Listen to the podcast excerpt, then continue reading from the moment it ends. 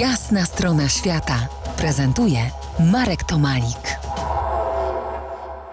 Dziś moje wspomnienia z kina na najwyższym poziomie to jest 1138 metrów nad poziomem morza w Tatrach. Tak, klub filmowy Głodówka istniał sobie 10 lat temu, dość krótko, bo niecałe ponad 2 lata, ale działał intensywnie. No dobrze, ale jak zrobić kino w schronisku, tym bardziej jak się o tym nic nie wie?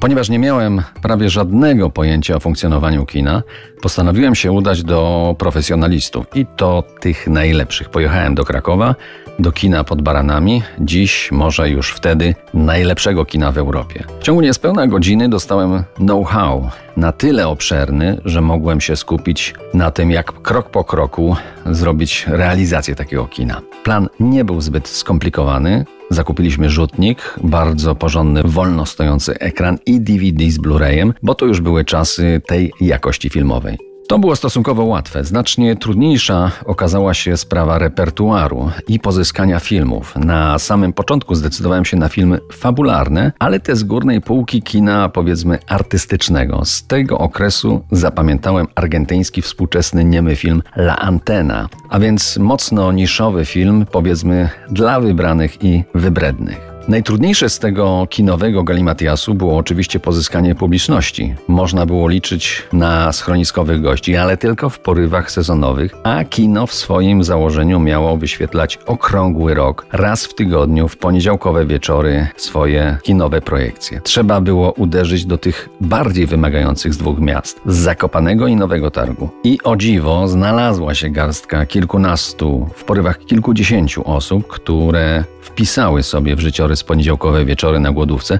to znaczy w schronisku głodówka, bo tam żadnej głodówki nie było. Wręcz przeciwnie, bardzo smaczne jedzonko, yy, a w poniedziałkowy filmowy wieczór można było do stolika zamówić szarlotkę z kawą a la głodówka. Seans odbywało się na zadaszonym tarasie schroniska.